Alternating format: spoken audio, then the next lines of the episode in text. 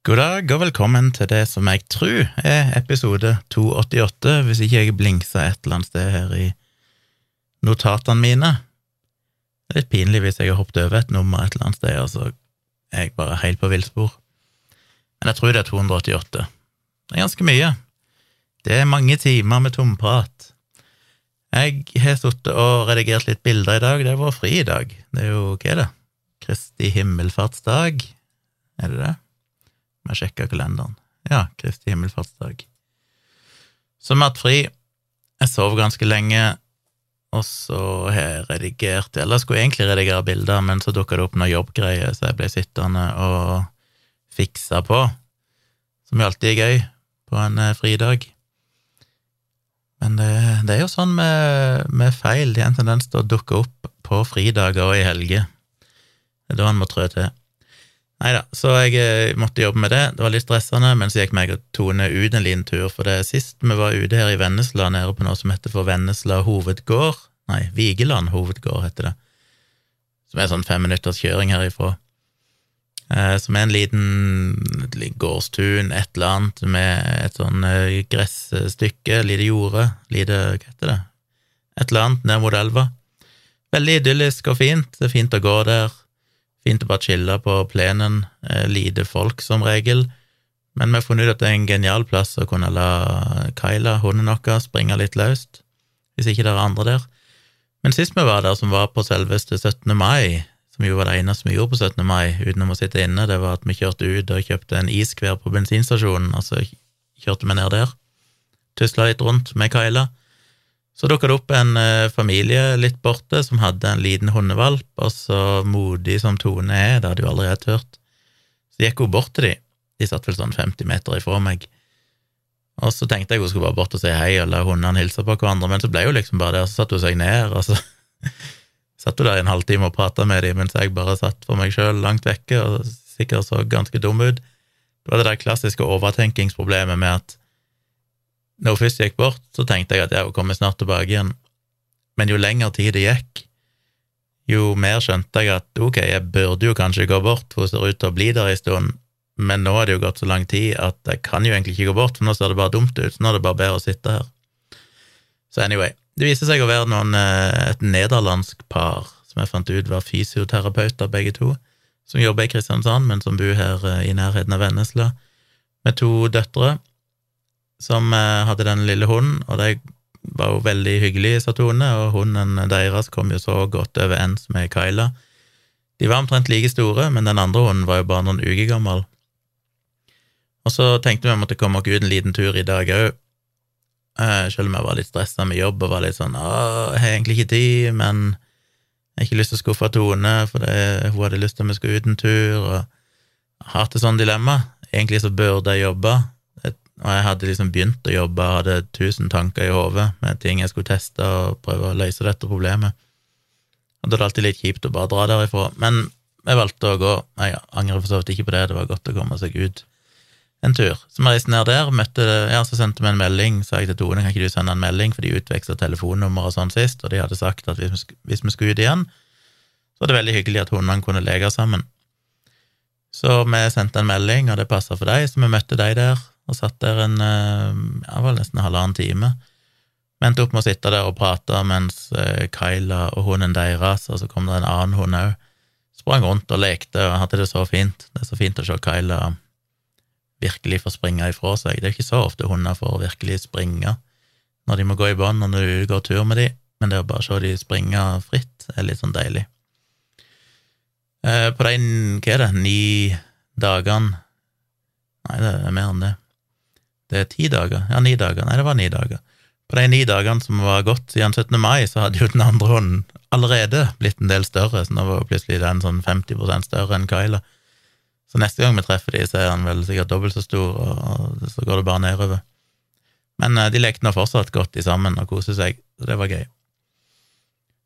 Eh, så vi var der. Veldig hyggelig par. Satt og prata med deg, som sagt, og jeg jeg vet ikke, jeg syns dere er sikkert mange av dere som hører på, som kjenner på det samme, men jeg er jo veldig skeptisk til å bli kjent med folk.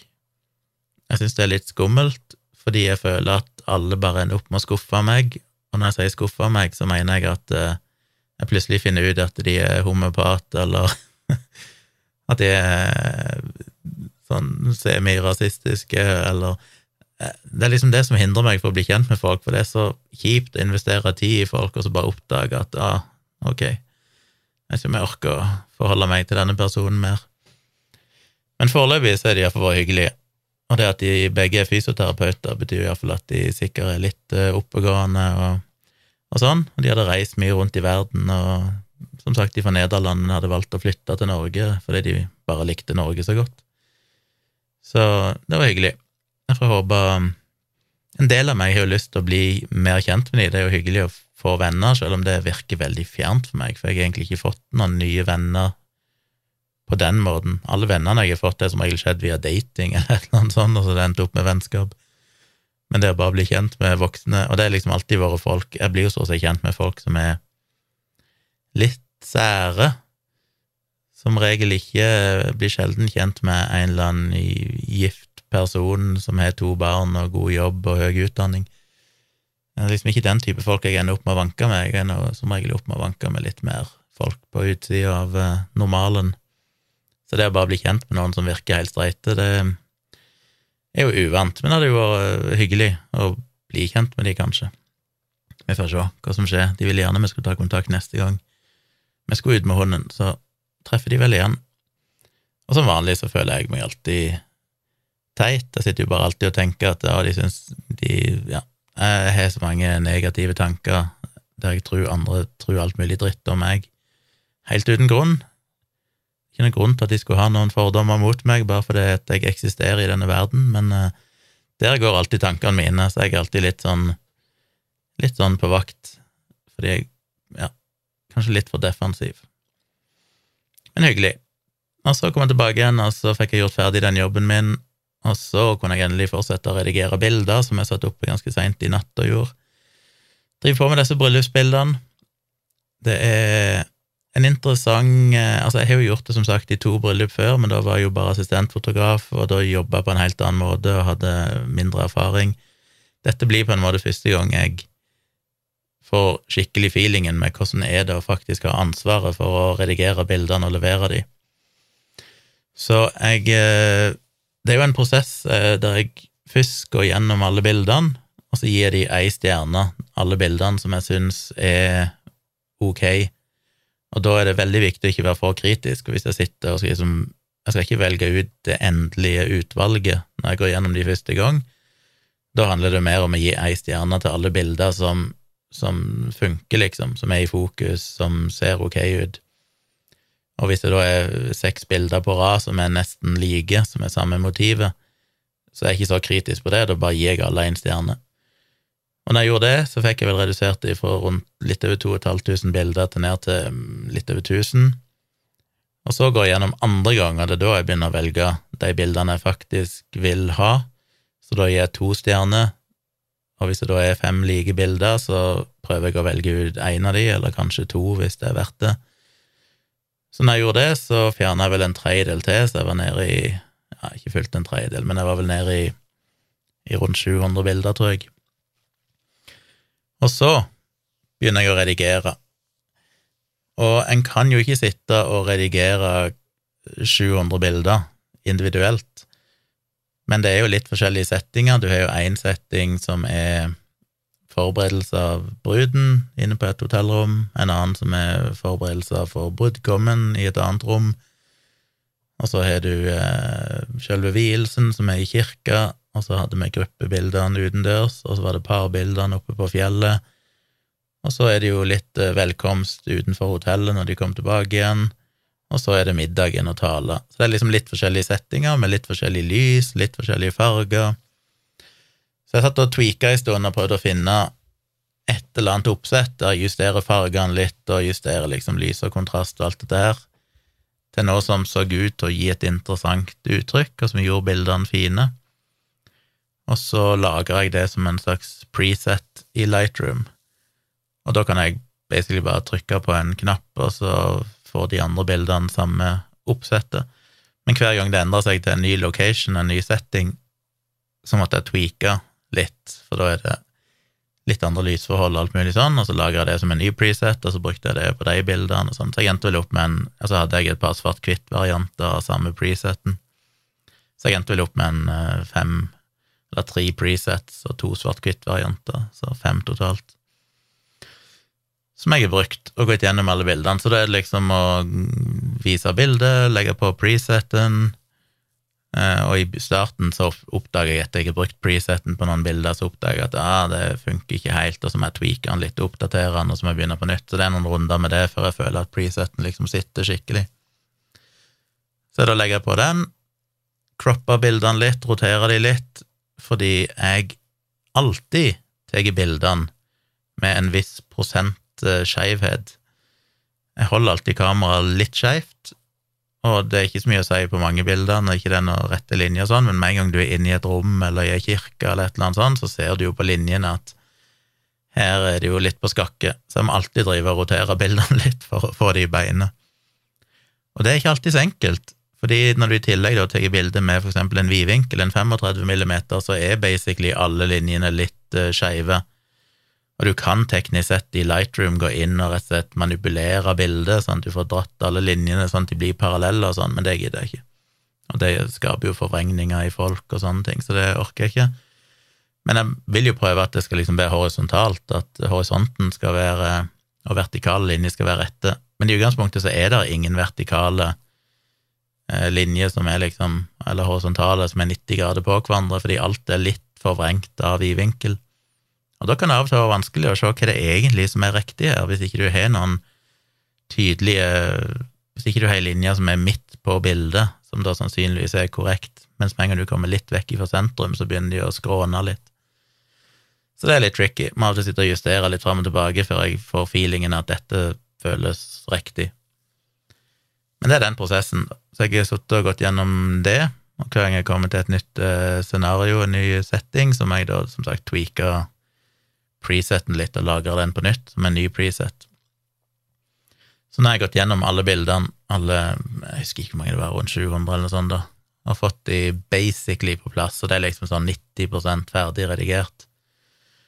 Og så, det som gjenstår nå, er jo å gå gjennom alle bildene én etter én, og så gjøre individuelle justeringer. For når jeg har slengt på den preseten, så kan det være noen bilder som kanskje jeg har liksom justert litt lys og sånn på de, sånn at de ser greie ut, men det er kanskje noen av de jeg må gjøre litt andre, mer avanserte justeringer på. Og så er det jo, som jeg har sagt så mange ganger før, valgets kvaler. Det er alltid Det er så rart, for en skulle tro at det var enkelt at du ser når et bilde er korrekt, men det er liksom noen av portrettene jeg har tatt av bruden, for eksempel, eller bildet inne på middagen. Spesielt de middagsbildene. Det var litt sånn mørkt rom, mørkt lokale det vil si det var ganske lys på ei side, for det var store vinduer på ene sida av rommet, mens på andre sida av rommet så var det ikke så mye lys. Og så er det liksom, skal du velge en sånn moody, mørk look? Det ser ganske bra ut. Eller skal du pushe opp lyset sånn at det ser ut som det er godt belyst der inne? Og det er vanskelig å velge. Begge deler kan se bra ut og har litt forskjellig Jeg liker jo det litt sånn lyse uttrykket, men jeg liker jo òg når det er mørkt og moody, selv om du kanskje mister litt detaljer sånn i mørket. Så det er en sånn avgjørelse jeg må ta når jeg går gjennom alle bildene og der finner ut Ja. Og så må det jo se helhetlig ut, så jeg kan ikke Det gjorde jeg jo på de første to bryllupene der jeg var assistentfotograf. Da var jeg mye mer eksperimentell, og det er jo egentlig dumt, men da hadde jeg ikke nødvendigvis Da så ikke nødvendigvis alle bildene helt like ut i farger og sånn, fordi jeg prøvde ut litt forskjellige måter å redigere de på. Nå som jeg skal levere bildene, så må de jo se mer helhetlig ut, så nå må jeg liksom få samme looken på alle. så da, eh, da må jeg ta noen sjefsavgjørelser der òg. Men det nærmer seg, nærmer seg å bli ferdig, så jeg håper at uh, Ja, skal ikke Vet aldri noen utfordringer som dukker opp. Det er jo sånn når jeg har gått gjennom de en gang til, og har fått justert de ferdige, så må jeg gjerne gå vekk ifra de i noen timer eller et døgn Kanskje mer òg, egentlig, men jeg har lyst til å bli ferdig, så Og så komme ned og se på de på nytt, for det er nesten alltid sånn at når jeg ser på de på nytt etter en stund, så oppdager jeg, så ser jeg fargene helt annerledes, og plutselig så må jeg gå gjennom alle bildene på nytt og justere litt, så det er mye jobb. Mye jobb å være bryllupsfotograf, det er mange. Én ting er jo de timene en bruker på å ta bildene, men de er jo bare en liten del av jobben, en tredjedel av jobben. Resten er jo å sitte hjemme og redigere. Men jeg gleder meg veldig til å få de ferdige. Og så når jeg da får lasta de opp i webgalleri og sånn, så ser de alltid så lekkert ut, syns jeg, for det er sånn fint galleri med en fin forside og ja, og den eh, plasserer automatisk bildene i en sånn grid som ser bra ut, der han liksom finner en perfekt kombinasjon av liggende og stående bilder, sånn at det blir mest mulig kompakt, med litt fin luft imellom alle bildene og fin bakgrunn. Og da ser det alltid ganske herlig ut. Så jeg gleder meg veldig til å få de ferdig, men jeg må ikke forhaste meg. Jeg må ikke bli for ivrig. Jeg må ta meg tid til å og liksom vente litt og la de synke litt, og så se på de på nytt og sånn, og være sikker på at jeg kan eh, gå god for deg, levere. Eh, så det var bilde og bryllup. Jeg eh, snakka jo litt om Lightning Process og ME i forrige episode. Noen av dere er sikkert drittlei det. Men jeg ble tipsa av ei om at eh, dere husker kanskje at jeg svarte på noen spørsmål ifra ei på Twitter her i forrige episode. Det var primært to spørsmål hun ville jeg skulle dokumentere, og så var det noen andre litt mer diffuse spørsmål. Det viser seg at eh, hun har sletta de tweetene, men så har hun istedenfor skrevet en bloggpost som heter Tjomli snakker om ME slash CFS og LP i podkast 286 og 287 i mai 2022. Det er tittelen. Catchy tittel. Og da skriver hun etter å ha hørt podkastepisode 286 17. mai 2022 med Gunnar Tjomli på Saksynt Ja, nei, det er jo ikke Podkasten heter jo Tomprat, da, men stilte jeg følgende spørsmål til Tjomli, og så lister hun opp de 20 eh, spørsmålene som jeg tok i forrige episode skriver hun videre i en ny podkastepisode 287 24. mai 2022, fra ca. 56 minutter ut i episoden, svarer Gunnar Kjomli på spørsmålene jeg stilte ham. Tusen takk for svar, det setter jeg pris på.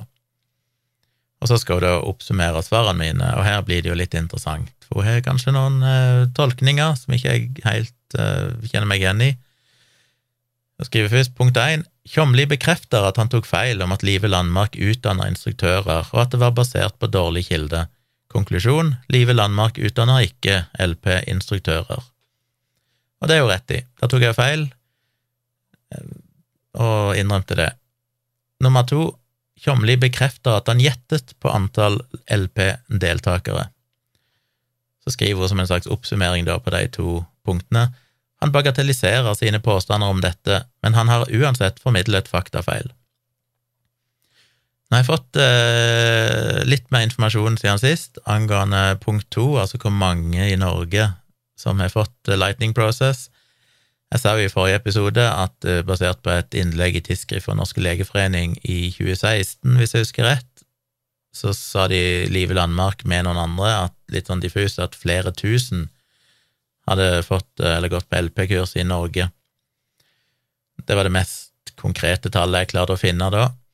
Nå ble jeg tipsa om en artikkel eh, Klarte jeg å lukke vekk den. Jeg skal ha den her en plass. Hvor er du? Hvor er du? Hvor er du? Ja, det var en eller annen artikkel, iallfall, i uh, Fucking shit, der. Den er ifra Hva er det ifra? Ifra Dag og Tid, tilbake i 2012, så vi skal ti år tilbake i tid så var det en artikkel om eh, Lightning Process, og der står det i en liten underartikkel så står det kring 5000 nordmenn har gått Lightning Process-kurs. Og Der skriver de at de har snakka med Phil Parker uh, Group i England, som da, basert på deres tall og andre data som Dag og Tid har samla inn, estimerer at minst 5000 nordmenn De skriver først uh, at nesten 5000 nordmenn har gått Lightning Process. Så skriver de videre, og trolig er det en god del flere. Så dette er 2012, fire år etter at Live Landmark starta med dette i Norge. Hun var vel en av de første. Så Lightning Process er jo relativt nytt. Så hvis det da var fire år etterpå, i 2012, og det nå er gått ti år siden det igjen, og i den perioden så vet vi at det er blitt utdanna veldig mange flere Lightning Process-instruktører i Norge, og det har fått mye mer oppmerksomhet. Men selv om en skulle bare dra det lineært, så tilsier jo det 15 000. Hvis det var 5000 på de fire første årene, og det nå er gått ti år til, så er det jo iallfall gått 15 000 på det. Seneste antakelsen om at det ikke har vært minst 15 000, er jo at det da er sunket veldig. Det kan jo selvfølgelig være, det vet vi ikke, men som jeg sa i forrige episode, det er nok ikke urimelig å anta at tallet ligger over 10 000, eller 10 000-15 000, som jeg sa i den eh, første episoden på 17. mai. Så mens uh, hun godeste, hvem det nå er som skriver denne bloggen, sier at uh, jeg videreformidler faktafeil om akkurat det, så er jo ikke det korrekt. Uh, hun viser jo ikke til noe dokumentasjon som sier at jeg tok feil. Hun bare sier at jeg bekrefter at jeg gjetter på antall LP-deltakere. Men hva annet kan du gjøre enn å gjette når ikke det er forelagt noen faktiske tall? Og den gjettinga er jo ikke bare at jeg tar et tall ut av løse lufta, den er jo basert på å ekstrapolere data som er formidla av eh, Phil Parker og Live Landmark sjøl ifra noen år tilbake. Så Så ja, jeg vil jo anta at jeg er ganske god dekning for å si at det må være minst 10 000 som har tatt dette kurset. Eh, og før jeg fortsetter, så må jeg si at i forrige episode så klarte jeg vel å kalle han for Peter Parker, som jo er er den godeste Spiderman, er det ikke det? Eh, den feilen jeg har gjort før. Kaller han for Peter Parker, heller enn Phil Parker, som han faktisk heter, han som da dikta opp eh, Lightning Process. Men hun skriver videre. Tjomli insinuerer at de involverte forskerne er sjarmert inn, og ikke fordi de mener det kan være noe relevant som gjør det verdt å forske på. Sitat slutt. Det syns jeg òg er en litt sånn uh, lite sjenerøs tolkning av det jeg sa. Ja, jeg vil stå for at, uh, basert på det jeg vet om Live Landmark, at det har vi sett i alle år, at så fort det er noen som skriver noe kritisk Hvis det er en eller annen viktig person som skriver noe kritisk om Lightning Process, så er hun ute. Nå jeg ikke fulgt med henne på mange år, da, men sånn var det iallfall før i tida så var hun alltid på ballen med å skulle invitere dem til en kopp kaffe og invitere dem på å være med på ting og gi dem telefonnummeret sitt så de kunne ringes og sånn, hele tida. Hun gjorde jo det med meg òg. Inviterte meg på kaffe, drev og ringte meg privat uten at jeg hadde bedt om det. Uh, hele tida. Men hun vil aldri skrive noe. Jeg inviterte henne jo gang på gang til å svare meg i kommentarfeltet på bloggen hvis hun var uenig i bloggpostene mine om Lightning Process, men det ville hun ikke. Hun vil ikke ha noen ting på trykk, hun vil bare ha det liksom på tomannshånd over en kopp kaffe. Så eh, Og dette er det jo mange som har skrevet om, det finnes mange som forteller om, om nettopp dette i forskjellige blogger og sånn, og det er vel ikke urimelig å anta at hun har nettverka ganske kraftig. Jeg kan selvfølgelig ikke si noe om det påvirker disse forskerne eller ikke, jeg bare sier at det er den metoden hun bruker. Så det er ikke urimelig å anta at her har hun lobbyvirksomheter ganske mye.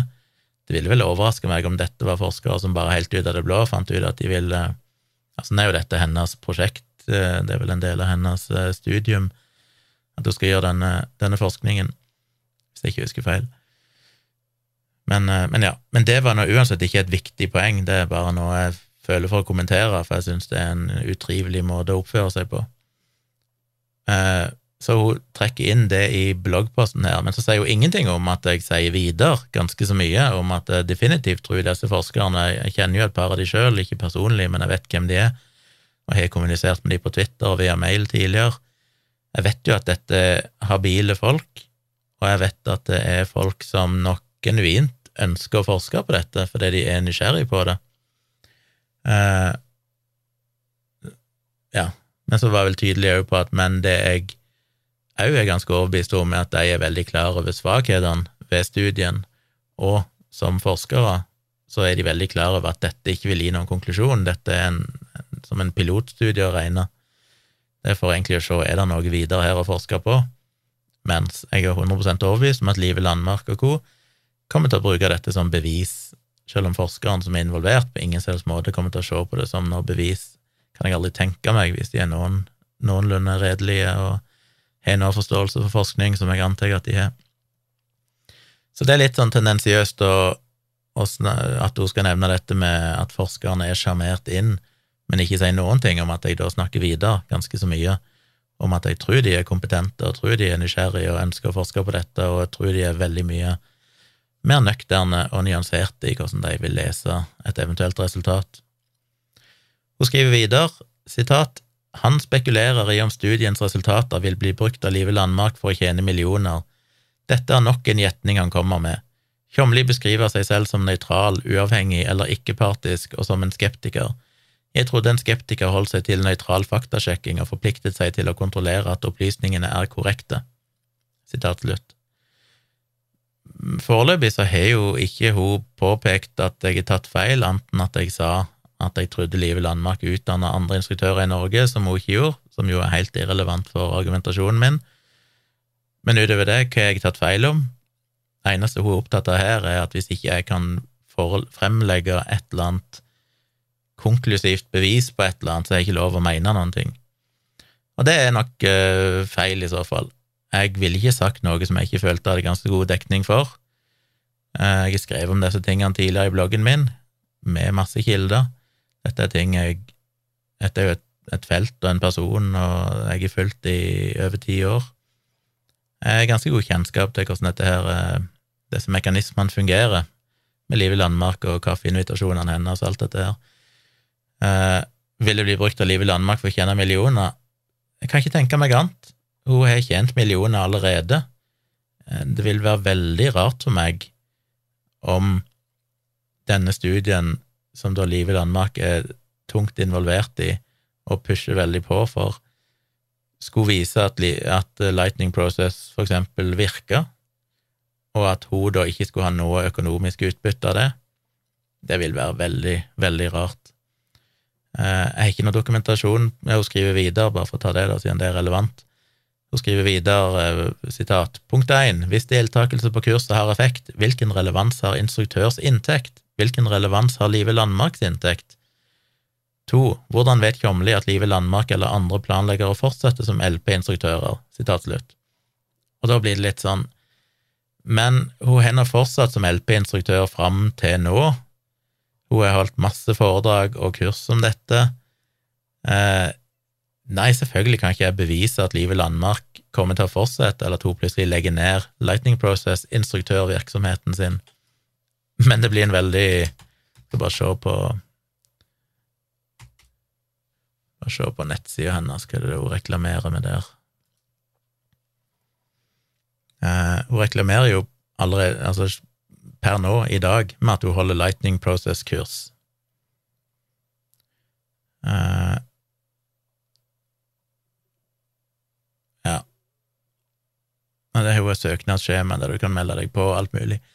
Så det er en merkelig argumentasjon at fordi ikke jeg kan bevise at ikke hun kommer til å slutte med Lightning Process-kurs etter at denne studien er ferdig, så er det urimelig for meg å anta at hun kommer til å gjøre det, når hun har drevet med det nå i 14 år og per, i skrivende øyeblikk fortsatt tilby det, og aldri uttalt sitt eget sett at hun skal slutte med det, og denne bloggforfatteren ikke legger fram et fnugg av evidens som skulle tilsi at jeg tok feil, en veldig, veldig merkelig måte å argumentere på, må jeg si. Hvordan vet Tjomli at hun planlegger å fortsette? Vel, det finnes jo ingen tegn på at hun ikke har tenkt det, hun har drevet med det i 14 år, så det føler ikke at det er så veldig urimelig av meg å anta at hun òg kommer til å fortsette etterpå.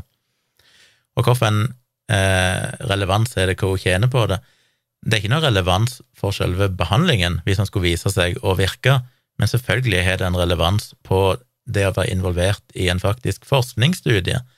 Det burde ikke engang trenge å forklare. Jeg mener hvis Det er en ting som, det er jo en grunn til at denne etiske komiteen har vært veldig tydelig på at hennes rolle i dette må på en måte skrives med 70 punkt stor font i skrift, i alle artiklene som blir skrevet, for det er, en såpass, det er såpass stort rødt flagg og en såpass stor interessekonflikt at de får ikke engang lov å gjennomføre studien hvis ikke det blir gjort veldig tydelig. Så det er rart da at bloggforfatteren her kan si at er det noen relevans?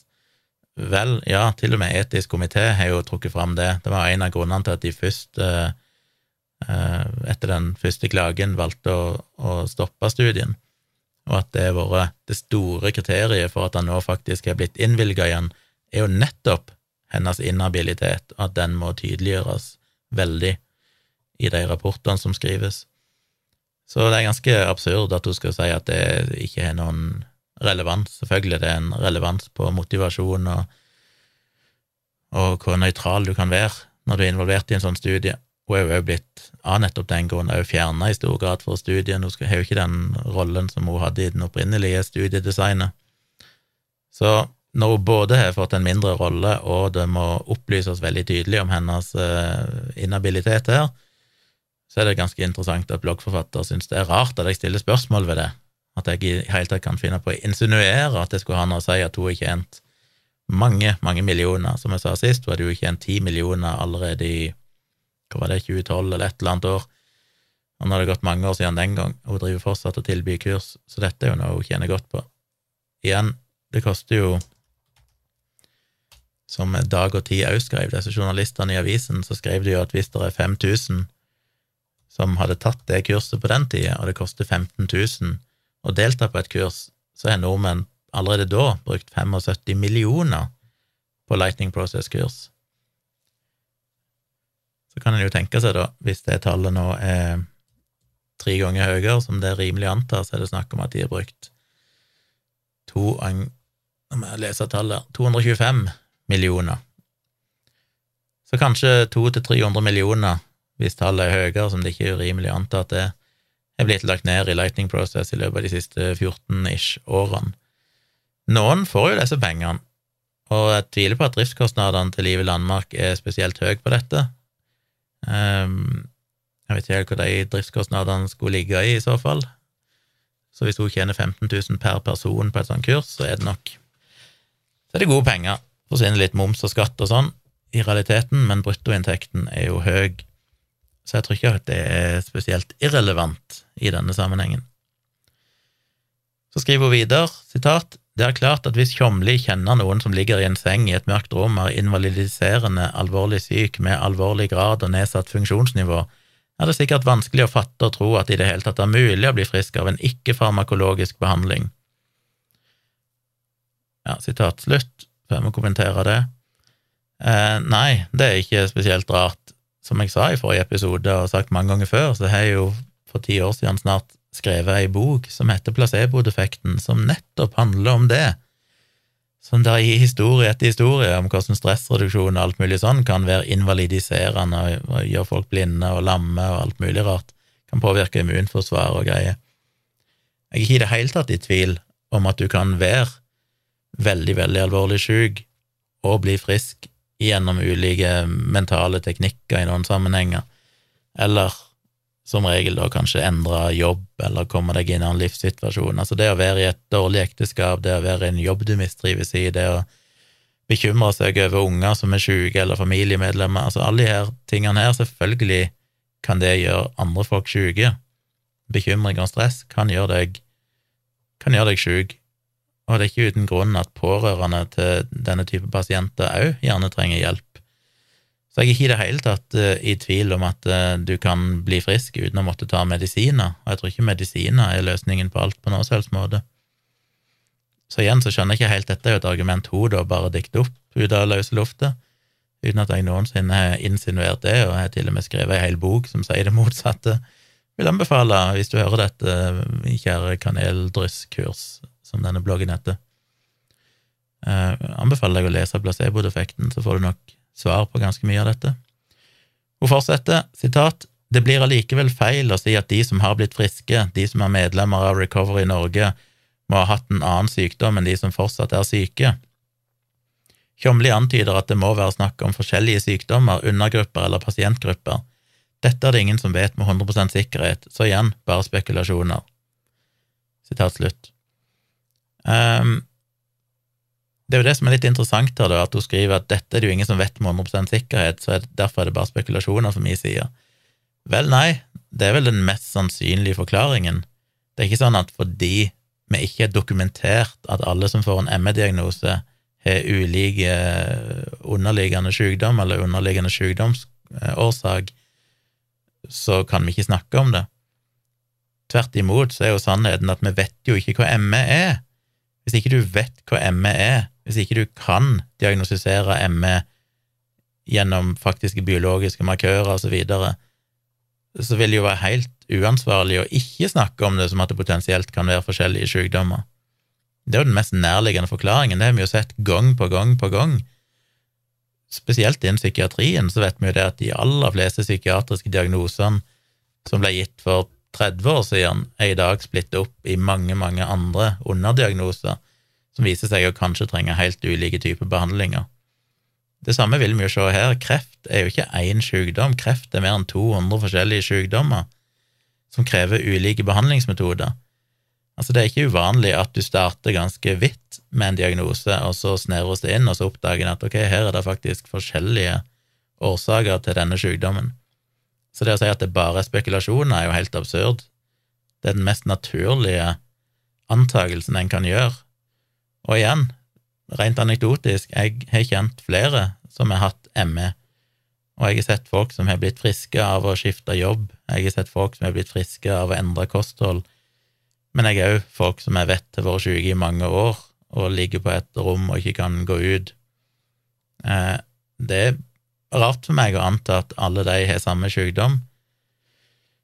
Kanskje er det noen fellestrekk, kanskje er det noe som er felles, men det er vanskelig å si at de da har akkurat samme sykdom. Jeg tror ikke det er en ren spekulasjon å anta at det kanskje handler om noe mer enn det.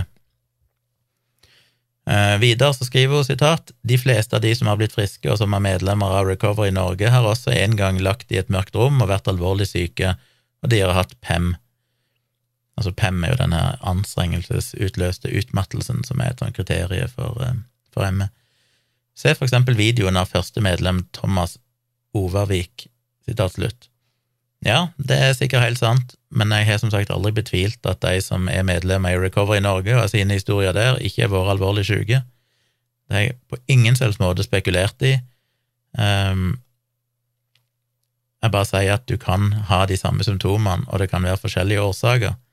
Jeg har jo som sagt igjen i placeboeffekten skrevet om lignende symptomer som kommer av folk som er helt andre sykdomsårsaker enn det som, han, enn det som eh, sannsynligvis er ME, for eksempel folk da som har lidd under stressreaksjoner, til og med folk med kraftig nocebo-effekt. Som den kjente historien med han hva det var nederlenderen sånn, som prøvde å ta livet sitt med, med piller, for han var med i et eh, forsknings, eh, en forskningsstudie der halvparten fikk placebo-pille, og den andre fikk eh, ekte pille som skulle testes for en eller annen sykdom. Og så gikk vel dama hans ifra det var et eller annet depresjon og noe greier, og så fant hun ut han ville ta livet sitt, så han tylla inn på alle disse pillene i den tro at de var ekte farlige tabletter, og ble alvorlig dårlig. Blodtrykket sank så han nesten ikke hadde puls. Han ble vel bevisstløs, var døden nær, ble kjørt til sykehuset der var det tilfeldigvis en av legene som var involvert i studien, som så han og, og kunne avsløre at han var en del av placebogruppa, viste det seg, og så i løpet av 15 minutter sånn, så ble han ganske frisk igjen. Så det var en ren nocebo-effekt som nesten tok livet av han. Så du kan definitivt være alvorlig syk, men det kan være veldig mange forskjellige årsaker til det. Um, og så er det en annen ting òg, og det er jo det at det å skrive det som hun gjør her, er jo å anta at Lightning Process virker.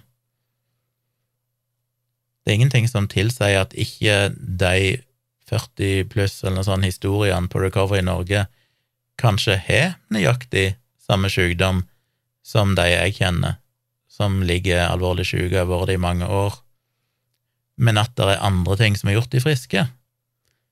Jeg sier ikke at de som ligger som alvorlig syke ME-pasienter nå ikke kan bli friske. For jeg håper jo inderlig at de kan det, og jeg har jo sett andre som har blitt friske. Så kan det være forskjellige årsaker, men det kan òg være at folk med samme sykdommen kan bli friske på forskjellige måter. Eh, dette skriver jeg òg masse om i placebo-defekten. Dette er jo gjerne det med regresjon mot normalen, eller det at ja, som folk jeg har snakka med som har for eksempel kreft og så får de cellegift og sånn, men i tillegg så går de til healer, og så blir de friske, og så sier de at det var healeren som gjorde de friske. Eh, eller folk som eh, får en eller annen alternativ behandling, men samtidig så skifter de jobb, eller de flytter til et annet sted, eller et eller annet, endrer kosthold, eller de gjør et eller annet i livet sitt som, som har en stor effekt, eller de begynner til og med med annen type behandling, og så blir de bedre. Men det er jo nettopp derfor vi trenger kontrollerte studier, som denne studien som skal gjennomføres nå, egentlig ikke er. For det er kun da du kan eliminere alle disse andre faktorene. Vi vet jo ikke hva disse personene som har sin historie i Recovery Norge, faktisk gjorde. Og som Live Landmark sjøl har sagt til meg på telefonen og ringt, så sier hun jo sjøl at Jeg husker ikke hvilken historie det var, men hun fortalte om en av disse historiene i en eller annen norsk avis om ei eller annen jente som hadde leie tenåringsjente som hadde leie på et mørkt rom, alvorlig syk, og så kom Live Landmark på besøk og satt og prata med henne, og så i løpet av tre dager så ble hun frisk. Hun sa jo det til meg, at det var jo ikke sånn det skjedde. I realiteten så tar det fryktelig lang tid, og da vet en jo ikke hva som egentlig er, er greia her. Og i tillegg, som jeg har sagt så mange ganger før, regresjon mot normalen er jo så essensiell i alle disse tingene, enten det er Snåsamannen eller det er Lightning Process, fordi hvis du har den sykdommen vi kaller ME, så vil de fleste ha bedre og dårligere perioder, og det vil være forskjellig fra person, fra person til person. Noen av de vil kanskje bli friske av seg sjøl, men de fleste som har ME, har jo prøvd Jeg tror jeg leste en plass at de i snitt har prøvd sju forskjellige behandlinger, eh, behandlingsmetoder. Og som jeg skriver i placeboeffekten, hvis du da, den siste tingen du prøver før du begynner å bli frisk, vil da få æren for at du ble frisk. Hvis du da har 1000 personer som alle prøver forskjellige ting, og 50 av de prøver lightning process på et eller annet tidspunkt etter at de har prøvd eh, ti andre ting, og de ti, eller de 50, den prosentandelen, de fem prosentene, tilfeldigvis da blir bedre i den perioden de prøver lightning process, eller i perioden etterpå, for det er jo veldig diffust. Det kan jo være at du tar lightning process fra 1. til 3. januar, og så begynner du å føle deg bedre i april, og så vil du da gi lightning process æren for dette. Eh, vi vet jo ikke. Når du har et så lite snevert utvalg som de pasientene på Recovery i Norge, hvis det er 15 000 personer eller noe sånt som har tatt dette, nå vet jeg ikke hva tallet er på antall ME-syke i Norge, men det er tusenvis på tusenvis, som vil ha gode og dårlige perioder. Gjennom ren statistisk tilfeldighet så er det uunngåelig at ikke noen av de vil føle seg bedre i det tidsrommet de prøver Lightning Process, mens andre vil oppleve at de blir bedre i den perioden de slutter å spise ja, eh, sukker, hvitt sukker, så vil de hevde at du må bare unngå sukker i dietten din, så blir du frisk. Det er folk som har skrevet i kommentarfeltet i bloggen min, eh, eller lignende ting. Eh, det vil være uunngåelig at ikke en viss prosentandel av de vil gå til en tankefeltterapeut, eller gå til en healer, eller prøve akupunktur, og så føle seg bedre. Jeg sier ikke at det er hele forklaringa, jeg bare sier at dette vet vi jo. Det er jo, det er jo hele poenget med at vi har kontrollerte studier. Hvis ikke vi hadde hatt det, så ville jo alt ha virka, for det er uansett hva du prøver, så vil det for en viss prosentandel sammenfalle i tid med at de blir bedre gjennom ren tilfeldighet, eller gjennom at de endrer andre faktorer i livet sitt. Og så vil da denne behandlingen få æren for bedring. Og når vi da snakker om 40 historier av kanskje 10 000-15 000 personer som har prøvd Lightning Process, så forteller det oss absolutt ingenting. Absolutt ingenting. Hvis det er 40 historier, så er det altså 0,2% eller 0,3% av alle som har tatt Lightning Process det er statistisk uunngåelig at noen av de ikke skulle bli friske i samme, samme, periode som de da prøvde Lightning Process. I tillegg så kan du balle på med enda flere faktorer, som for eksempel det å, å, føle mestringsfølelse. Det vet vi òg er en viktig greie, enten folk går til homeopat eller akupunktør. Det å bestemme seg for å gjøre noe spesielt hvis det er kontroversielt, og spesielt hvis det koster mye penger, så vil det i seg sjøl kunne gi deg en bedring. Kanskje det ikke gjør deg frisk, men det gir deg kanskje det mentale overskuddet du trenger til å foreta andre grep i livet ditt som faktisk hjelper. Som jeg snakket om tidligere i podkast og skrev om i bloggen, så ser vi jo for eksempel at uh, cannabisolje mot, uh, mot uh, sånn Hva heter det, epileptiske anfall fungerer bedre i land der cannabisolje er ulovlig, fordi da krever det veldig mye vilje. Det vil òg selektere pasientene som velger å gå til det skrittet og bruke det allikevel. Eh, det koster sannsynligvis mer penger. De må kanskje reise langt og importere det. Mens i land der det er lett å få tak på, så ser det ut til i kliniske studier til at det virker dårligere, eller i undersøkelser, at det virker dårligere, fordi du må ikke investere så mye personlig i å bruke det, og da er det jo mindre placeboeffekt. Så hvis Lightning Process blir en gratis del av helsevesenet, så er det nærliggende å anta at det kommer til å virke dårligere, fordi du mister denne motiverende faktoren, du mister den placeboeffekten som ligger i det, hvis det skulle virke i det hele tatt.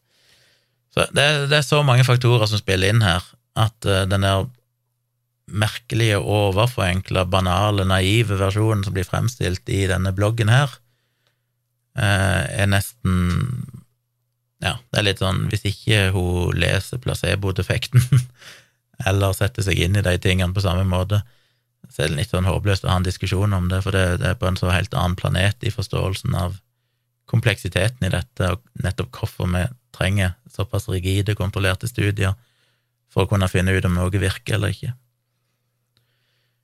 Eh, siste avsnitt, så skriver hun sitat Tjomli snakker om anstrengelsesløst utmattelse, og at det må være en forskjell mellom de som har PEM, altså anstrengelsesløs utmattelse, og de som ikke har PEM.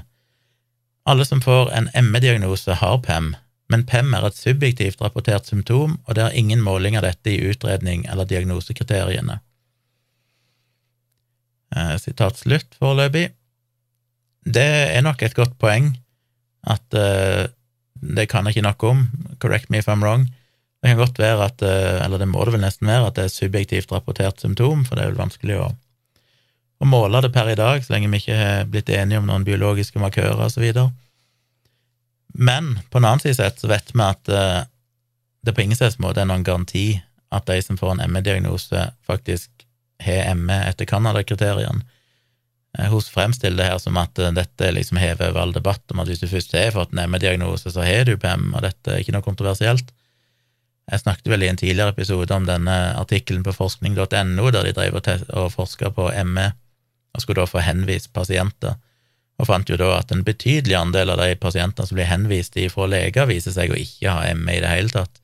Noen av de, noen av de hadde cøliaki, noen hadde depresjon, noen hadde kreft, det var masse greier som hadde gjort at de hadde fått en ME-diagnose, og de måtte jo bare ekskluderes fra studien. Så jeg tror nok fortsatt en dag i dag at eh, ME-diagnosen sitter litt løst. Selv om man formelt sett har strenge diagnosekrav, så betyr jo ikke det at alle leger nødvendigvis følger dem til punkt og prikke. Så uh, det er jo viktig å huske på. Uh,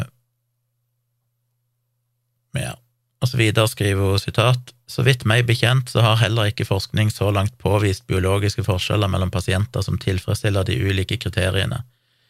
Tjomli snakker også om to forskjellige sykdommer, ME og CFS. De med ekte i gåsehudet, ME, som har PEM, eh, og de som har CFS, altså kronisk utmattelsessyndrom. I USA brukes betegnelsen CFS om ME, i faglitteratur og forskning brukes begrepene ME og CFS vanligvis synonymt eller om hverandre. Sitat slutt. Og det er helt riktig, og det snakket jeg vel om i den episoden, det intervjuet jeg gjorde med han Karl Johan Tronstad, er det han heter? Nå hadde jeg oppe navnet hans her. Et eller annet sted, men jeg har altfor mange faner. Hvor ble du av, hvor ble du av? ja, iallfall han jeg hadde intervju med, som uh, jobber ved ja, Universitetet i Bergen og driver og forsker på ME, og nettopp dette med biologiske markører. Snakket litt med det, om det med han, og han sa vel, hvis ikke jeg husker helt feil, at mye av grunnen til at de i faglitteratur og sånn bruker CFS og ME om en annen som regel i nesten alle studier. Du finner veldig sjelden om noen gang studier som bare ser på ME det er nesten alltid CFS skråstrek ME, og mye av grunnen til det er bare rett og slett at det gjør det mer eh, synlig og attraktivt i litteratursøk. Hvis du bare skriver ME, så er det mange som driver og, og, forsker på dette og skal prøve å gjøre for eksempel en, en litteraturgjennomgang som ikke vil finne studien din fordi de søker på CFS. Så det, kan, det er nok i veldig stor grad en taktisk greie det er jo ganske stor enighet om at i de kriteriene, òg i den studien som Live Landmark sjøl er involvert i, og som er enig med at hun går god for at det er Canada-kriteriene som skal gjelde, så er jo dette her med med anstrengelsesutløst utmattelse en del av kriteriet. Og det som da primært skiller i gåsehud vanlig kronisk utmattelsessyndrom fra den mer stringente eller subgruppen ME, er jo da i stor grad dette med, med PEM. Og som jeg vel også sa i den episoden, at alle som har ME, har også kronisk utmattelsessyndrom, men ikke alle med kronisk utmattelsessyndrom har ME fordi ME kan ses på som ei subgruppe av en mer brei kategori, som en kan kalle kronisk utmattelsessyndrom, som da òg inkluderer flere. Så, så ja. Eh, til slutt så skriver hun siste setning, sitat, Hvor har Tjomli de Og det er noe av det rareste av alt. Hun skriver Hvor har Tjomli det ifra at LP markedsføres som seminar eller training program i England og kurs i Norge for å unngå lov om alternativ behandling. Slutt. Det aner ikke jeg hvor hun har fått ifra, for det har jeg aldri påstått. Jeg vet at det har vært litt diskusjoner om det, og det er andre som har skrevet om det i bloggene sine, men jeg var jo veldig tydelig i den episoden fra 17. mai om at det var ikke noe jeg ønska å gå inn i.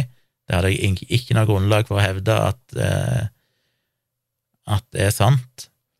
Jeg kan ikke huske at jeg ja, Det var vel mer spesifikt om Recovery Norge, at Recovery Norge skulle ha blitt etablert rett før loven i Norge ble strengere på dette, når ikke lenger Lightning Process kunne markedsføres som før fordi det var regnet som alternativ behandling, men hvis du heller hadde sånne pasienthistorier og en medlemsorganisasjon, så kunne du plutselig liksom omgå dette lovverket og på den måten indirekte promotere Lightning Process. Det er jeg usikker på om om eh, Ja Det tror jeg ikke vil funke. Jeg har heller ikke helt skjønt argumentasjonen. Jeg vet ikke helt hvilke endringer som ble gjort tilbake i 20 et eller annet, rett før, før dette recover, eller rett etter Recover i Norge ble etablert.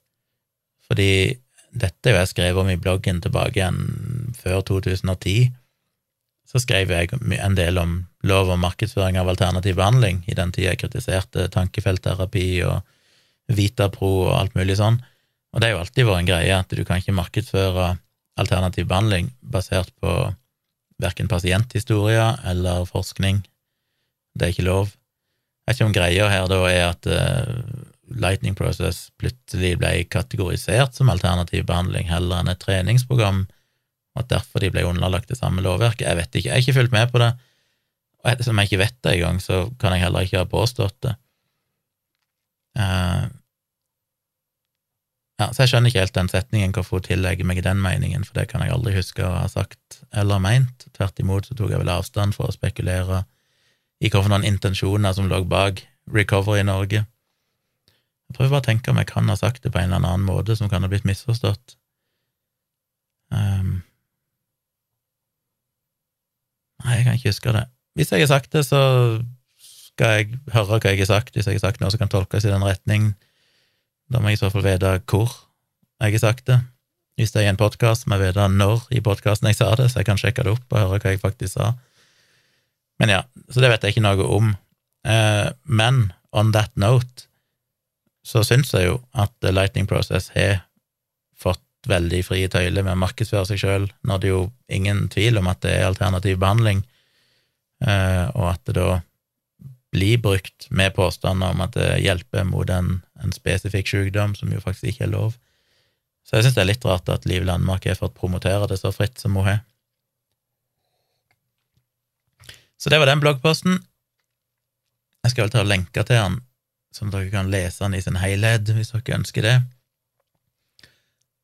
Det var vel alt jeg hadde å si om det, tror jeg. Ja, nok Lighting Process i denne episoden. Hvis dere har innspill, som sagt, eh, send meg gjerne mail på tompratpodkast.gmail.com. Der går det alltid an å sende tilbakemeldinger og spørsmål og tips om ting jeg skal snakke om, og sånne ting. Kjør på. Og apropos det, så har jeg fått en mail. Jeg har fått flere mailer, men det er ikke alle jeg rekker å ta, så jeg skal ta en som jeg syns var litt interessant, og det var ifra ei som skriver at hun Uh, hun skriver jeg ser nå veldig mange influensere og folk jeg kjenner har begynt med såkalt frønæring. Jeg er svært skeptisk og kan ikke finne noen spesielt gode grunner til å betale over 1000 kroner i måneden for å innta en pakke med såkalte mirakelfrø. De viser til noe forskning på nettsidene deres, og jeg er ikke like godt trent som du er i å se hva som er god forskning eller ikke. Om du har kapasitet, så hadde det vært veldig interessant om du tok for deg dette. Det er jo mange påstander ute og går, og jeg vil gjerne ha noen gode argumenter til familie og venner som prøver dette. Og så lenker hun da til ei norsk nettside som heter soulseeds.no. Og på Soulseeds eh, Karl Johan Tronstad, der fant jeg selvfølgelig den fanen jeg skulle ha i stad. Men ja, Karl Johan Tronstad. Eh, på soulseeds.no så er jo dette ganske drøyt. Eh, kort forklart så er jo dette et internasjonalt, vet ikke hvor det selskapet hører hjemme men det er ikke noen norske greier, dette er jo bare én av mange som driver og selger det. Jeg vil anta at det er en slags eh, nesten sånn multilevel marketing-greie, selv om de vil ikke skrive det noen plass. Men jeg ser jo at det er selvfølgelig bare stort sett bare sånne treningsinstruktører og folk i alternativbransjen. Jeg ser noen akupunktører som driver og selger dette. Og selvfølgelig så bruker de jo dette hypa ordet superfood og hvis du ser ordet superfood noen plass, så kan du jo egentlig allerede der bare lukke ned fanen og tenke ok, dette er bullshit. Men de kaller seg for Soulseeds. Det er et eller annet eh, internasjonalt merke som heter Rain, som produserer masse forskjellige produkter, som da, der en av de er Soul, heter det. Som er noen sånne 50 grams eller sånne porsjoner som du drikker. Jeg vet ikke om det er litt sånn geléaktig eller hva det er. Det kommer i sånne små små poser som du bare river av toppen på, og så presser du innholdet inn i munnen. Og de anbefaler en sånn om dagen, og et månedsforbruk koster rundt 1090, eh, sto det vel et eller annet sted, kroner. Så litt over 1000 kroner måneden for å innta en sånn pose om dagen. Og det de inneholder, er jo eh, er jo da Ja, det er fire ting som er ramsa opp her. Det er Nigella sativa, eller Nigella sativa, som på norsk har mange navn. Det kalles svartfrø, eller svartkummen, eller svartkarve. Jeg kom over en bloggpost fra UiO, der noen medisinstudenter hadde skrevet om at det visstnok òg var blitt hypa opp som en sånn covid-kur, selvfølgelig. Det her nigella, eller disse svarte karvefrøene, som det jo selvfølgelig ikke er. Men denne sida, ja, det er nigella sativa, og så er det svart bringebærfrø, og så er det chardonnay druefrø, og så er det noe som heter for deribose, som er en uh, sukkerart. Så det er primært de fire tingene. Det finnes jo andre sånne Rain-produkter som inneholder andre, andre kombinasjoner av ting, men det er dette som blir solgt på Soul Seeds. Og her er det jo mye å ta tak i. La ikke begynne bare på forsida av Soul Seeds, for der er det jo Det altså Ja. Eh, sånne påstander som 99% av all sykdom og diffuse plager starter med en betennelse. Ok, da, da blir jeg litt sånn citation needed. Um, og så er det jo masse vår som antioksidanter og bla, bla, bla, ubalanse i kroppen og, og detoxing og greier. Og så er det sånn herlig, jeg elsker det når de kommer med sånne bastante påstander som at uh, Se uh, Soul Red fra Rain International er 80% betennelsesdempende. Veldig nysgjerrig på hvordan de har funnet det tallet. Videre. Skaper 80% anti-aging i cellene. Renser effektivt ut giftstoffer. Styrker og bygger kroppens celler. Nå sier hun som sendte meg eh, mailen her, at de viser til noe forskning. Jeg er ikke klart å finne den forskningen noen plass på sidene her, men det er jo i så fall eh, i prinsippet ulovlig, hvis dette regnes som alternativ behandling. Og det er det jo, fordi de hevder jo å kunne kurere veldig spesifikke sykdommer. For eksempel så skriver de jo om Nigella sativa. Så skriver de blant annet at frø kan redusere betennelser i kroppen, øke kroppens motstandskraft og reparere der det er behov. Eh, og det er lov å skrive, sannsynligvis. Jeg tror det med å redusere betennelser er diffus nok til at du er lov å skrive det og det å øke kroppens motstandskraft eller styrke immunforsvaret og sånn, det er sånne ting du har lov å si uten at du bryter lovverket. Men så skriver de jo videre patentert effekt på å styrke immunforsvaret. Og det er sånn patentert effekt på å styrke immunforsvaret, hva mener de med patentert effekt på Altså, den setningen gir jo ingen mening. Men videre, og kan ha en beskyttende effekt mot virus. Da er du vel over i det som ikke lenger er helt greit å si du kan ikke påstå at en kan Altså, det, det, det er ikke lov å bruke alternativ behandling mot smittsomme sykdommer. Så hvis den beskytter mot virus, så er jo det per definisjon en påstand du ikke kan komme med, hvis ikke det er godkjent av uh, europeiske helsemyndigheter og norske helsemyndigheter, og det er det ikke. Og det foreligger nok nøyaktig null god dokumentasjon på at det har noen som helst beskyttende effekt mot virus.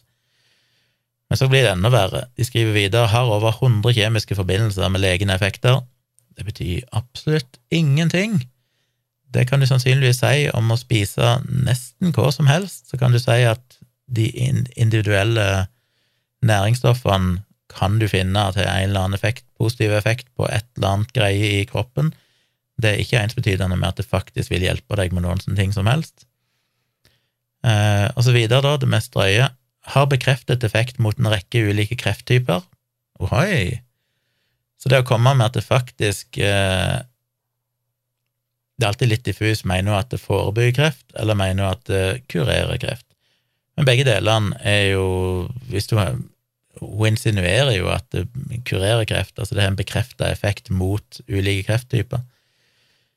Eh, så det er jo veldig drøyt, og det er jo definitivt ulovlig å påstå at et eller annet sånt svada greie faktisk eh, har spesifikk effekt mot kreft. Og så videre. Det har òg bekrefta effekt mot høyt blodtrykk. Det tror jeg heller ikke er lov, det er en veldig spesifikk diagnose. Jeg tror ikke du har lov å si at det hjelper mot det. Virker antibakteriell og har generelt en ekstra rik konsentrasjon av næring. Og litt av poenget her er jo dette her med frie radikaler og at det er antioksidanter. Det er jo alltid litt paradoksalt, som også Steven Novella skriver, for han har tatt for seg dette Nigella sativa eller svart karve i en egen bloggpost fra 2020 som jeg skal lenke til. Fordi at, og det skrev jeg òg om for lenge siden i bloggen, dette her med at det å hevde at antioksidanter eh, bekjemper frie radikaler i kroppen og derfor er så veldig bra, er jo en selvmotsigelse på mange måter. Fordi ja, frie radikaler kan bidra til at celler eldres, holdt jeg på å si, at de kan bidra til eldring og sånne ting, og kanskje det er sunt for å beskytte mot det. Men på en annen side sett er jo frie radikaler en viktig del av immunforsvaret vårt, som blant annet bekjemper bakterier og bryter ned begynnende kreftceller. Og det er viktig å huske på at vi får jo alle kreft hele tida. Det er jo kreft i kroppen vår til enhver tid, omtrent. Nei, det kanskje jeg, skal ikke, skal ikke gå god for den påstanden, men de fleste av oss, eller alle, vil jo oppleve å ha kreftceller i kroppen, men de aller stort sett så blir de brutt ned umiddelbart, altså det blir det aldri noe kreftsvulst eller sykdom. Så kreft er jo basically bare en eh, celledeling som går amok, eller en celle med en skada DNA. Og det er jo frie radikaler med på å bryte ned, så det er jo folk som er har sagt at hvis du ser på forskningen og ser på de som inntar mye kosttilskudd med antioksidanter, så ser de ut til å ha en for høyere risiko for kreft, blant annet fordi det da bryter ned frie radikaler, som er en del av beskyttende effekten vi har innebygd i kroppen mot nettopp kreftceller. Så det å si at det både da bekjemper frie radikaler og så videre, og samtidig er antibakterielt, når de frie radikalene faktisk skal bryte ned bakterier, blant annet, eller beskytte mot det, og i tillegg da beskytte mot kreft, samtidig som det svekker den delen av immunforsvaret som beskytter mot kreft, er jo interessant. Og en av de store logiske feilslutningene alltid når, når folk har en idé om at alt som inneholder mye antioksidanter, automatisk er ekstra sunt og er kreftforebyggende og alt mulig sånn, det er det ingen evidens for, kanskje tvert imot. Eh, hvor ble det av den bloggposten av Steven, gode, gamle Steven? Han skriver òg at eh, han har sett litt på forskningen så finner han blant annet at det som blir regna altså Generelt sett, når det gjelder alle disse ingrediensene, så er det ikke noe god forskning. Det er basically ingen forskning på mennesker. Alt som foreligger av studier, er jo enten in vitro-studier, der de tester det kanskje på cellekulturer, eller tester det i musestudier. Eh, men det er jo ingen studier som viser at noen, ting, noen av disse tingene faktisk beskytter mot kreft eller har noen helsefremmende egenskaper. Og det, den eh, slutningen kan en heller aldri trekke, det skriver jeg òg om i placeboeffekten, at jeg husker ikke tallet lenger, men det er liksom under en promille av alle de aktive stoffene som blir testa i laboratorium, fordi du ser at det teoretisk sett, eller i et eller annet sammenheng, skal kunne ha sånn og sånn positiv effekt på en eller annen sykdom eller et eller annet annet med helsa. Eh, mindre enn én promille av de går videre til å bli forska videre på i fase 1-studier, fordi når du faktisk tester det, så finner du at det ikke virker som det skal, og av de som faktisk går videre til å bli testa, så er det bare en forsvinnende mikroskopisk andel som noensinne viser seg å funke i praksis, fordi, som jeg jo snakket om med Ivermektin og sånn, det at du kan finne at det eksempel har SARS-CoV-2-virus i reagensrør, betyr ikke at det nødvendigvis dreper SARS-CoV-2-virus i kroppen din, fordi da må du få det inn i kroppen på riktig sted i stor nok dose uten at kroppen bryter det ned, eller det påvirker andre systemer i kroppen negativt, eller at det virker eh, giftig for kroppen din i seg sjøl. Og det er jo Problemet her er at du kan sikkert finne masse positive effekter hvis du tester det i forskjellige sammenhenger, men de vil ikke nødvendigvis være gjeldende når du får det i kroppen. Eksempelet jeg ofte bruker igjen, er jo det med kaffe. Vi vet at kaffebønner inneholder flere tusen eh, stoffer, der mange av de er kreftfremkallende. Men allikevel så ser vi ikke at kaffe fører til en forhøyet risiko for kreft, kanskje tvert imot, på noen type kreft. Så kroppen er veldig, veldig kompleks, og det at et eller annet stoff i teorien har en eller annen effekt i kroppen, betyr ikke at han vil ha den effekten når du inntar den oralt sammen med masse andre næringsstoffer der det går gjennom mage-tarmsystemet ditt og sånn, fordi det, det, skjer så mye i den prosessen. Så alle disse studiene som blir vist til, er jo små studier som kanskje finner en eller annen hypotetisk effekt i en eller annen sammenheng, men vi vet ingenting om dosen, vi vet, det er sannsynligvis ikke menneskestudier. Du kan kanskje for eksempel vise at, eh, og det er jo veldig vanlig, at du, finner, du, du har endepunkter som sier at det senker blodtrykket, eller det ja, et eller annet sånn. Eh, men det betyr ikke nødvendigvis ja, akkurat det med blodtrykk var kanskje et dårlig eksempel, for det er jo en positiv ting. Du kan finne andre markører i kroppen der du sier at det påvirker den og den biologiske markøren sånn og sånn, og det er jo assosiert med et eller annet positivt helseutfall.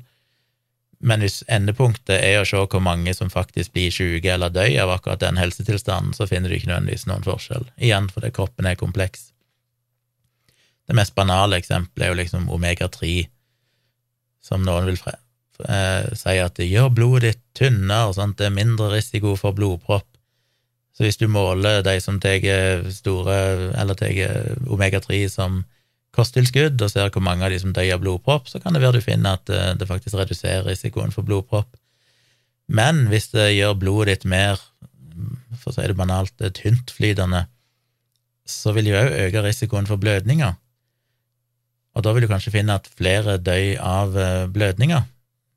Og hvis du da måler de opp mot hverandre og ser på den totale dødeligheten, så finner du kanskje at det har null effekt. Like stor risiko for å for det er en positiv effekt som blir oppveid av en negativ effekt. Så dette her er jo så fryktelig komplisert. Men han har sett på én studie som så på et stoff som heter thymoquinone, fant ikke noe norsk ord på det, som skal være den primære aktive ingrediensen i denne svartkarven som var gjort på høne. Og der fant de at den hadde en 85% biotilgjengelighet når du inntok den oralt, som er veldig bra, det vil si at den tas veldig godt opp av kroppen. For det er jo en faktor, at ting du tester i et laboratorium, når du da inntar det oralt, så kan det være det går bare rett igjennom uten at det blir tatt opp, eller kanskje bare 1% av det blir tatt opp i kroppen når du får altfor lav dose. Så det er bra. Men på den annen side så fant de at halveringstida var bare på én time, som er problematisk fordi hvis det er altfor kort halveringstid, så klarer ikke kroppen å, å, ta det like godt opp, eller kanskje det ikke engang er, er aktivt virksomt når du inntar det, for det, det, er allerede blitt brutt ned eh, mens det sto i og venta på å bli spist. Og det finner en jo i mange grønnsaker og sånne ting, at disse næringsstoffene i grønnsaker sånn, og, og, bær og sånn ofte kan ha en, en kort halveringstid, sånn at hvis de blir liggende lagra i en butikk eller et eller annet sånt, så er det ikke så mye nyttige stoff igjen som det opprinnelige var, for eksempel. Så det er alltid en, en, kompleks greie som er viktig å ta hensyn til. Eh, og så er det jo et stort aber, som man påpeker her, og det skriver jeg òg om i placeboeffekten, dette med at studier fra Kina, for eksempel, finner jo at 100% eller i 100% av studiene på akupunktur eller annen tradisjonell, tradisjonell kinesisk medisin fra Kina er jo positive. Det er blitt litt bedre nå, tror jeg, muligens, men fram til et godt stykke ut på 2000-tallet så fant de jo at det var 100% effekt alltid i studien, som jo er veldig shady, for til og med et eller annet legemiddel som hadde en ekstremt god effekt, så vil du fortsatt finne noen negative studier. Så er det 100% positive studier, så kan du anta at her er det en ekstrem eh, publiseringsbias, som jo vel handler om at Kina er veldig opptatt av å promotere kinesisk, eh, tradisjonell kinesisk eh, medisin, og det er ikke lov å publisere negative studier og sånn. Ergo så forteller ikke de den forskningen noe så mye. Og det finner en her òg, på disse studiene på svartkarve, som i stor grad er gjennomført i Midtøsten. Eh, så finner en en ekstrem publiseringsbias, der 100% av studiene alltid viser en enorm effekt, og det er et stort rødt flagg. Da kan du anta at her er det dårlig forskning, eller det er andre mekanismer som spiller inn for å, å selektere hvilke studier som faktisk blir publisert. Så påpeker han òg at uh, nesten alt av forskningen er preklinisk, og at de stort sett bare ekstrapolerer da fra petriskåla til en levende organisme. Det er litt den klassiske XKCD-tegneserien, der han uh, ja, som harselerer med alle disse stoffene som skal kunne helbrede kreft, fordi at i en eller annen studie så fant de at det drepte kreftceller i reagensglasset eller i petriskålet, og så sier han at men det gjør òg en pistol. Eller sagt på en litt mildere måte, hvis du drypper sitronjuice oppi et skål med celler, så vil du òg sannsynligvis drepe kreftcellen, eller drypper du en dråpe Zalo oppi, så vil du òg drepe. Det betyr ikke at det å drikke Zalo eller drikke sitronjuice faktisk helbreder deg for kreft, for det, det kommer jo ikke fram der det skal i rette dose i kroppen. Så her gjør de jo det samme, de finner at det har en effekt på noen celler i en petriskål, og så ekstrapolerer de fra det til å si at dermed så vil det ha sånn og sånn positive effekter i kroppen. Og det vet vi jo bare er tull. Eh, ja, du kan aldri gjøre det. Det er derfor du, vi krever fase 1 og fase 2 og fase 3-studier. Det er såpass strengt for å kunne faktisk vise reell effekt i kroppen før vi kan anta at det faktisk virker. Uh, og så var det en review som hadde sett på dette som han trekker fram, som sier at det var noe evidens for at det kan ha noen metabolske og antiinflammatoriske effekter, men effekten er såpass liten at det er ikke noe grunn til å anta at det er noen god behandling for noen ting som helst. Så det er jo ganske typisk for alle sånne ting. Og det går jo igjen på denne der Soulseeds òg, at alle de påstandene er jo akkurat de samme påstandene vi har sett for alle andre kosttilskudd opp gjennom tidene basert på små, dårlige studier eh, som ikke er på mennesker, eh, der de ekstrapolerer fra et eller annet en eller annen teoretisk effekt, eller et eller annet de ser skje med ei celle, til at det dermed så beskytter det mot diabetes, eller mot kreft, eller mot høyt blodtrykk, eller Og så er det aldri noensinne vist i noen faktiske studier på mennesker, som er det samme som gjelder her. Ja, så jeg trenger ikke si så mye om de andre ingrediensene, tror jeg, for det er det samme problemet med alle. Eh, de trekker jo fram eh, ja, Det eneste som var litt interessant, det var den siste, da, med dette D-ribose, som de skriver er en sukkerart som finnes naturlig i alle kroppens celler, viktig for å bygge sterke cellevegger, reparere DNA og for å kunne lagre energi i kroppen. Tilskuddet av D-ribose har vist seg å kunne forbedre hjertets arbeidskapasitet og dessuten kunne motvirke kronisk utmattelsessyndrom og fibromyalgi. Vel, det er det jo garantert ikke gjort, for hvis det hadde vist seg å kunne gjøre det, så hadde det selvfølgelig vært en del av den anbefalte behandlinga i Norge. Det er det ikke. Eh, men det er litt interessant å bare prøve å finne ut litt mer om det ribose. Og det jeg fant, var at eh, Vitenskapskomiteen for mat og miljø hadde gjennomført en risikovurdering av deribose tilbake i 2020, så den er ikke så gammel, altså, høsten 2020. Og der skriver de at ja, Det er mulig det finnes en norsk versjon, men i en engelsk versjon på nettet så skriver de A single dose of 6200 milligrams deribose ribose, in a food supplement may represent a risk of adverse health effects to children, adolescents and adults. A daily single dose of 3,100 milligrams D-ribose in a food supplement may represent the risk of adverse health effects to children. Og dette er de gjort da på oppdrag ifra eh, Norske Mattilsynet, eller noe sånt. Jeg er litt usikker på hvorfor de har gjort det, og hvorfor et kosttilskudd det faktisk handler om. Men her er det helt åpenbart at siden de spesifikt har testa 6200 milligram, så vil jeg jo anta at det eksisterer i et eller annet kosttilskudd, og at de har funnet ut at det kan faktisk være helsefarlig. Eh, de hadde ikke noe data fra barn, så derfor er de bare halvert det og sagt at en halv dose må de anta er maksdosen for det som et barn kan tåle, eller egentlig over det, siden de sier at det kan representere en risiko. Og det som er problemet med denne, denne her frøen, er jo det at ikke noe sted på nettet klarer jeg å finne de faktiske innholdet i disse soul-frøene. Og det er jo òg et stort rødt flagg. De hevder at det inneholder A, B, C, D, E, D, disse forskjellige ingrediensene, men ikke noe sted sier de hvor mange milligram av hver ting det er, eller hvor mange gram det er av hver ting. Du vet ingenting om det, og det vi vet med superfoods og alle disse kosttilskuddene, er jo at de er ikke regulert, det er jo ikke noe krav til evidens eh, for effekt for noen ting som helst, for at det skal kunne selges i Norge. Det er ikke noe krav til dokumentasjon på, på noen ting. Så det er jo alltid fritt fram, egentlig, når du kjøper disse tingene. Du vet jo ingenting. Og det er ikke de samme kravene som er til legemidler, der det er veldig strenge krav for at de skal være trygge og effektive. Med kosttilskudd og sånn, så er det ikke noe krav. Det ansvaret ligger fullt og helt på den som importerer og selger det i Norge. Og De kan vel da stå strafferettslig ansvarlige eller bli nekta å selge det hvis det skulle dukke opp eh, dokumentasjon på at det var farlig, eksempel.